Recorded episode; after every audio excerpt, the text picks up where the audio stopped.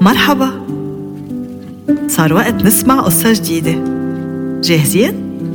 حضرنا لكم قصة كتير حلوة لليوم. حضروا حالكم. كنكنوا منيح وركزوا على التفاصيل.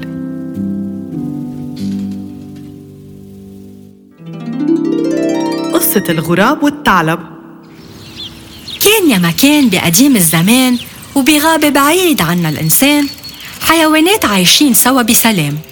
كل واحد منهم كان عنده صفة بتميزه عن غيره مثل السعدان الشقي الثعلب الذكي الغزال السريع والأسد الشجاع. بس كان في حيوان ما كان حدا يقدر يتعامل معه الغراب المتعجرف. هالغراب كان شايف حاله عباقي الحيوانات وبضل غاطت على غصن الشجرة من فوق تا ما حدا يقرب عليه. حتى ما كان يحب أبدا يتشارك أكله مع باقي الحيوانات. ووصلت معه الخبرية أوقات إنه يسرق أكلات غيره. فبيوم من الأيام بينطروا الحيوانات إنه الغراب الأناني يفل تيجيب أكلاته وبيقرروا يحضروا خطة ليعلموا درس ما رح ينساه بحياته. وبما أنه كان الثعلب هو الأذكى والأجرأ اقترح أنه هو رح يهتم بالموضوع. ما تعتلوا هم؟ خلوه علي. ما بده يتشارك أكله معنا؟ طيب رح يشوف الغراب كيف أنانيته رح تأثر عليه إله هو قبل غيره. ولما رجع الغراب من المدينة رجع ومبسوط بحاله معه شقفة جبنة كبيرة وبتشهي.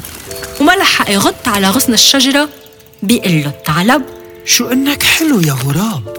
لونك أسود بيلمع مثل السما بالليل. شو إنك شاطر يا غراب؟ كمشت أكل؟ بيكفيك لكذا يوم. وشو حلو صوتك يا غراب؟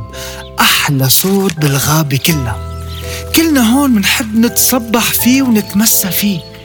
يا ريت بتضل تغني ويوصل صوتك الحلو للمدينة والكل يسمعه. هو وعم يسمع كل هالحكي الحلو من الثعلب صار الغراب يحرك جوانحه من الحماس. انبسط كتير بشو سمع وما قدر يتمالك حماسه وبيقرر يغني ويفرجي مواهبه يلي حكى عنها الثعلب بس أول ما فتح تمه توقع قطعة الجبنة على الأرض حد الثعلب فبيخدع على السريع وبيركض فيها وهو هربان بيقول له شفت يا غراب شوفت حالك لوين وصلتك؟ خسرت أكلاتك ورح تضل جوعان لحالك. نحن رح ناكل كلنا سوا. إذا غيرت رأيك تعرف وين تلاقينا. عصب كتير الغراب وضل مصر ما يتزحزح عن غصن الشجرة. بس بعد كم دقيقة شاف كل الحيوانات مجمعة سوا. عم تاكل وتضحك. فزعل كتير لما شاف الحيوانات الصغيرة عم ياكلوا خصوصي من بعد ما كان سرق لهم أكلاتهم من قبل. وكانوا جوعانين كتير. حس حاله وحيد وفكر وفهم إنه أنانيته وشوفة حاله هن اللي وصلوه لهون وإنه كتير مهم نتعلم كيف نتشارك مع غيرنا وما نتكبر عليهم.